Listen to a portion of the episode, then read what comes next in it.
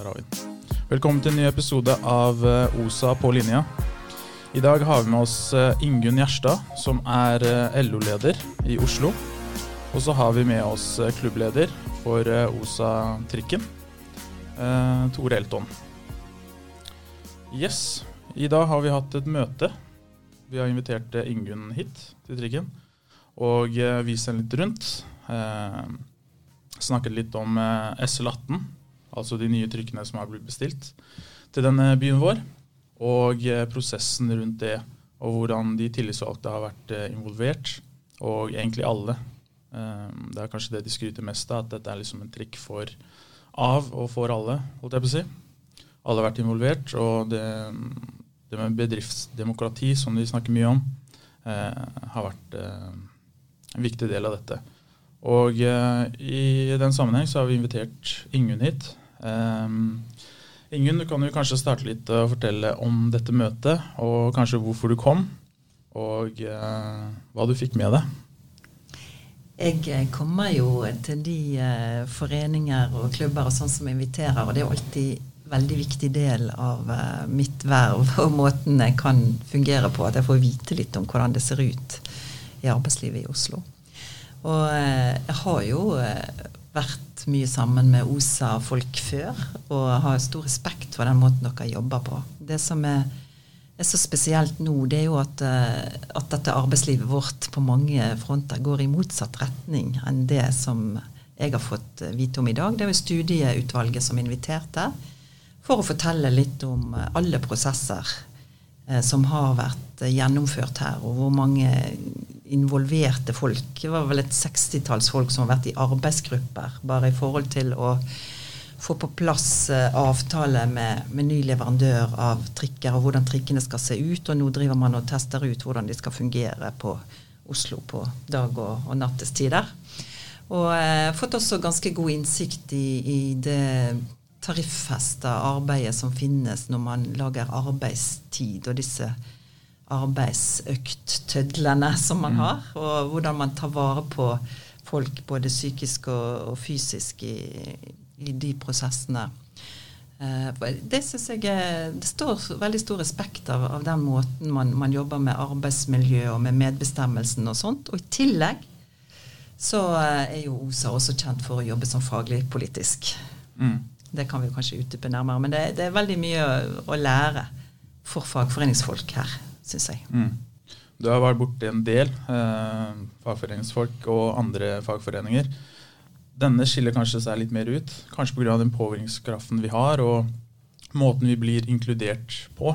Det er kanskje litt annerledes her, som du kanskje har sett. da. Hva vil du ta med deg videre når du møter de andre fagforeningene? Hvilke ting har du sett i OSA? Eh, hva vil du anbefale dem? holdt jeg på å si? Hvordan vil du motivere dem til å arbeide annerledes? Nei, altså det ene er jo det at uh, dere er flinke til å organisere, så det er høy organisasjonsgrad. Mm. Det betyr jo at man får makt, sånn at man kan legge makt bak kravene hvis man trenger det. Hvis man er 10 og 20% så er det jo ikke noe vits å si at vi lar være å jobbe. Mm. hvis man er mange og, og, nok, så stenger man jo hele sjappen. Så det er jo det ene, at man er flink til å bygge et organisert fellesskap. Man har studiearbeid.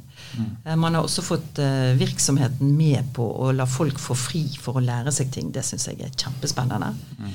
Det, det, burde ha skjedd i langt større grad i andre deler av arbeidslivet. Så der er dere også et forbilde.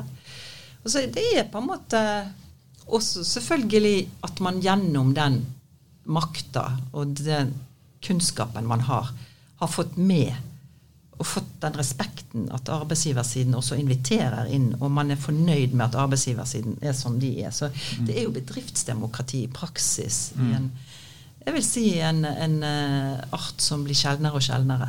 Og det, det, må dere bare få skryt for. Mm. Og det kommer ikke av seg sjøl. Det gjør det ikke. Tor Helton, det kommer ikke av seg selv. Nei, det gjør det ikke. Og Hva syns du om dette besøket? Hvorfor var dette besøket viktig for oss? Nei, det er veldig viktig å skolere opp uh, andre tillitsvalgte også. Det er jo det studie, studiearbeid er. Uh, det er ikke lett for andre å vite akkurat sånn ned på detaljnivå hvordan det fungerer i vår bedrift. Fordi det er ganske forskjellig fra andre steder. Så, men det er jo utrolig mye jobb bak uh, i kulissene, og lobbyvirksomhet, uh, ut og drikke øl med politikere osv., som, som gjør, det, gjør det sporveien, da. Mm. Uh, og jeg må jo si det. At det er den derre Det er sånn jeg også jobber her på huset. er jo det er å løpe opp i gangene og telefoner her og der. Det er jo mellom møtene all jobbinga egentlig skjer. Altså når du kommer til møtet, så er det på en måte er vi jo egentlig enige før vi går inn. Mm. Mm. Du skal jo videre til jernbanen, eller har jeg misforstått det? Nå eh, I dag så skal jeg videre og møte de vekterne som streiker.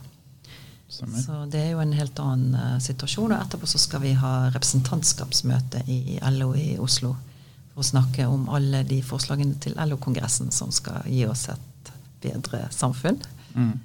Og så skal vi jobbe litt utover i uken med noe som vi kaller Rød-grønt 2021. Som er egentlig en ganske stor kampanje fra grunnplanet som dere òg blir med på, med å få et nytt styre i mm. landet etter valget neste år. Stortingsflertallet må endres. Sånn at vi på en måte kan eie mer av, av det vi driver med her i landet sjøl, og ikke sette det ut til private og sånt som uh, skaper uh, verdi til egen lomme, og ikke så opptatt av fellesskapet. Mm. Men uh, har du kanskje noen siste ord? Jeg skal ikke ta så mye av hennes tid. Jeg vet hun er veldig opptatt i dag, så. Nei, det er jo å hjelpe Ingunn med å, å, å, argumentere for oss eh, sånn som vi gjør det. Og det er jo det i Sporveien at de ser på bunnlinja at det lønner seg å ha med seg de ansatte. Mm. Når beslutninger tas, så behøver kanskje beslutningene bli tatt én gang, i stedet for at man går omkamper og omkamper og omkamper. Det blir mye arbeidskamp. Istedenfor så jobber man i lag, tospann, har samme målet. Mm. Så ja. Og takk for Ingunn at du kom. Ja. Og dere burde vært uh, tema på ledelsesutdanningene i Norge. For det er det som er litt av problemet med at ikke den norske arbeidslivsmodellen fungerer så godt der ute. Det er jo at man ikke lærer opp ledelsen i hva det betyr, og nettopp det som uh, blir sagt om, om, at de slipper å gjøre de samme feilene. Man kan gjøre det riktig fra starten av hvis man mm. anerkjenner den kompetansen som ligger i bredden av arbeidsstokken. Man må spille hverandre gode, og ja. det er den kommunikasjonen. Og det er det som ofte forsvinner, kanskje i store selskaper òg. Ja. Du har det skillet fra topp til, eh, til bunn. da. Men det blir borte her, mye pga. det du sier. Du har den tiden frikjøpt. Du løper opp i gangene. Eh, den gjensidige respekten eh, for kompetansen du også sitter med. Det er kanskje det som skiller seg ut her i forhold til de andre stedene i dette landet. Så det må vi fortsette med. Tusen takk for at du ville komme. Og Hvis du vil høre litt mer fra Ingunn, så har vi allerede en annen episode med henne. Ganske lang, tror jeg på en time.